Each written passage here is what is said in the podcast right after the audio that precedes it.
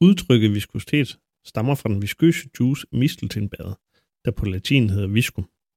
En saft, der er så tyk og klæbrig som liv. Viskositet beskriver strømningsadfærd for en væske. Det afspejler omfanget af den interfraktion af partikler i en væske. Viskositet er en af de væsentligste fysiske egenskaber ved en olie. Men hvordan måler man viskositet? Og hvordan kan vi ændre en olies viskositet? Dagens afsnit af Dieseldoktor handler om viskositet, samt hvordan og hvornår vi blander olier.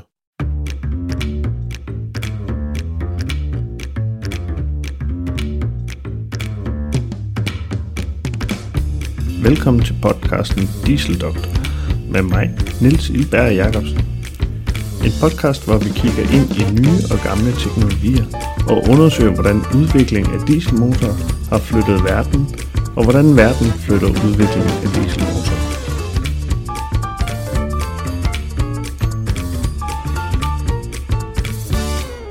For at beregne en væskes viskositet, skilles der mellem dynamisk og kinematisk viskositet.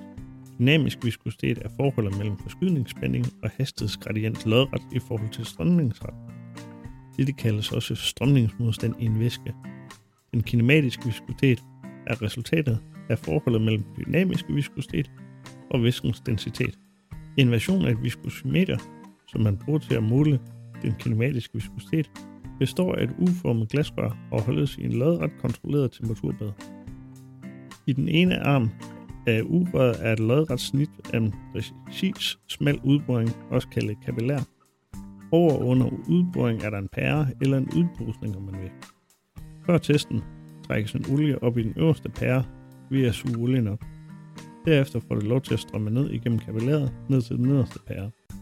To mærker, en over og en under den øverste pære, indikerer et kældt volumen, og den tid det tager på niveauet af væsken at passerer mellem de to mærker er proportionalt med den kinematiske viskositet. Vi måler kinematisk viskositet i centistok, med andre enheder for kinematisk viskositet er Sebold Universal Seconds, enkeltgrader og Redwood sekunder.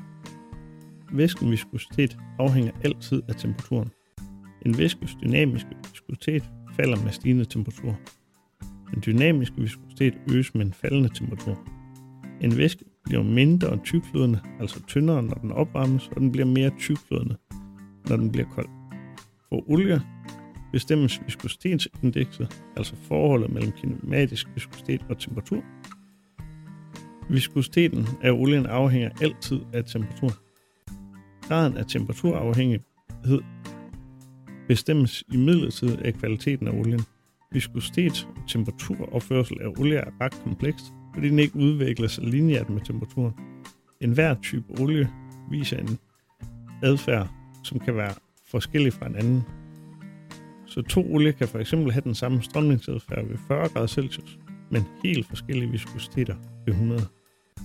For brændstofolie er det generelt gældende, at marine gas oil har en forskellig viskositetsindeks fra marine diesel oil, og heavy fuel oil har også en særskilt viskositetsindeks.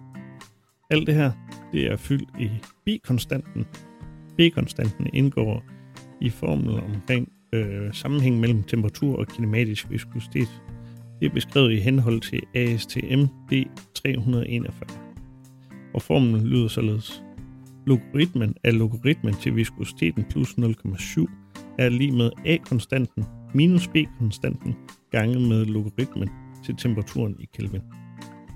Konstanten B den bestemmer, hvor meget viskositeten den ændrer sig som en funktion af temperaturen, det vil sige hændlingen på en olielinje. Den har en forskellig værdi afhængig af hvilken type olie, der er tale om. Beregningen af oliens hændling den kræver to punkter, det vil sige to punkter, hvor vi kender både temperatur og viskositet. Og så kan vi bruge en øh, udledning af formlen, som vi lige har gennemgået. A-konstanten den bestemmer, hvor den olielinje den er placeret. Så derfor så kan man øh, nærmest sige, at A-konstanten den siger noget om, hvor at olielinjen, altså viskositetslinjen, den krydser y-akslen. Når man således kender A- og B-konstanten, jamen, så kan man finde et hvilken som helst viskositet eller temperatur, øh, så længe man bare har udledet øh, den rigtige form. For mange olier så er det også øh, oplyst. Oliens viskositet i et viskositetsdiagram, Her har man øh, kinematisk viskositet op ad y-aksen, og temperatur typisk i grader Celsius ud af x-aksen. Øh, og så er der tegnet en linje ind med oliens viskositet. Læg mærke til, at disse diagrammer, det vil altid være dobbeltlogaritmiske diagrammer. Grunden til, at disse diagrammer de er dobbeltlogaritmiske, er, at ved lavere temperaturer, der er der en stor ændring i viskositet, og ved øh, lille viskositet, så er der en stor ændring i temperatur. Så ved at gøre de her diagrammer dobbeltlogaritmisk, så kan man få et lineært udtryk. Når to brændselsolier de blandes, så er der mulighed for, at der kan udfældes asfaltener, og dermed så dannes der slam. Den her slamudfældelse, den sker både i lagertanke, altså bunkertankene, og i servicetanke. Der er stor risiko for, at hele eller dele af brændstofoliesystemet det forurenes med store og kritiske driftsforstyrrelser til følge. En gang imellem så tester man brandolien for dets blandbarhed med en række forskellige referenceolier, og det forekommer der et indekstal fra 0 til 1 for dets blandbarhed. Det er også det, der hedder et blendability-nummer. Analysen den er ikke standardiseret, og den er heller ikke særlig almindelig. Det sikreste er i så stor udstrækning som muligt at holde olier med forskellige oprindelsessted adskilt. Det vil sige, hvis man bunker i Rotterdam, så hold den olie adskilt med den olie, som man måske har bunket i Fjernøsten. Så frem det med sikkerhed kan konkluderes, at asfaltener ikke vil udskilles, så kan man blande brændselsolie, og blandingsforhold de kan beregne via røgftagsformlen. Med røgftagsformlen der kan man finde viskositeten for en blandingsolie, men for at kende viskositeten af den, så skal man finde det, der hedder VBN-mix, eller et Viscosity Blending Number. Viscosity Blending Number, det finder man ved at kende VBN for de olier, som man blander, og så ganger man det med andelen af olien i den samlede blanding. Man kan også beregne sig frem til VBN-tallet. For det der skal man kende viskositeten for den olie, som man blander i. Det er vigtigt, at man blander olier med så ens temperatur som overhovedet muligt, for at undgå at provokere en udfældning af asfaltener. Men derudover, så gør det også, men derudover vil det også gøre det væsentligt nemmere at forudse den resulterende viskositet af blandingsolien. En grund til at blande olier det kunne være for at overholde regler omkring udledning af svovl. Globalt set, så må man udlede 0,5% svovl øh, fra sin fuel oils. Og heavy fuel oil kan indeholde helt op til 5% svovl. Ved at blande marine dieselolie med heavy fuel oil, kan man komme under den her grænse, og dermed overholde de gældende regler. Det kan også være, at man har sejlet på lavsvål heavy fuel oil på 0,5%, og nu sejler ind i et SECA-område, hvor kravene de er 0,1%. Og i den periode, man slår om fra heavy fuel oil til marine dieselolie, der vil man få en blandingsviskositet. Man behøver ikke at bruge røgfastformel for at finde blandingsviskositeten. Man kan også gøre det her i en grafisk løsning via et dobbeltlogaritmisk olieblandingspapir. På olieblandingspapiret, der sætter man et punkt på den ene side med den højeste viskositet, og i den anden ende den laveste viskositet, og tegner en lineær streg mellem de to punkter. Dermed så kan man så aflæse massefraktionen af den lette olie i diagrammet, og dermed bestemme, hvad blandingsforholdet det skal være, for at overnå, opnå en given viskositet. En anden vigtig kvalitetsparameter er tændingsvillighed. Tændingsvilligheden den er knyttet til tændingsforhandlingen eller tændingsforsinkelsen, og det vil sige tiden mellem start af injektionen og starten af forbrændingen. Brændstoffer med en høj tændingsvillighed er kendetegnet med en kort tændingsforhandling, og omvendt brændstof med lav tændingsvillighed resulterer i en lang tændingsforhandling. Tændingsvillighed for fuelolier varierer betydeligt. En lille tændingsvillighed kan forårsage problemer ved motorens opstart under lav belastning, især hvis motoren ikke er tilstrækkeligt forvarmet. En lang tændingsforhandling vil forårsage en hurtig trykstigning med meget høje maksimaltryk.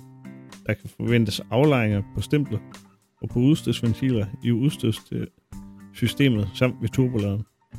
Aflejringerne i turboladen vil føre til en reduceret turbolader-effektivitet og en højere termisk belastning på motoren. Der er to mål for tændingsvillighed. Centantal og CCAI-tal. Centantallet er et mål for tændingsvilligheden på diesel- og gasolie, det vil sige marin dieselolie og marin gasolie.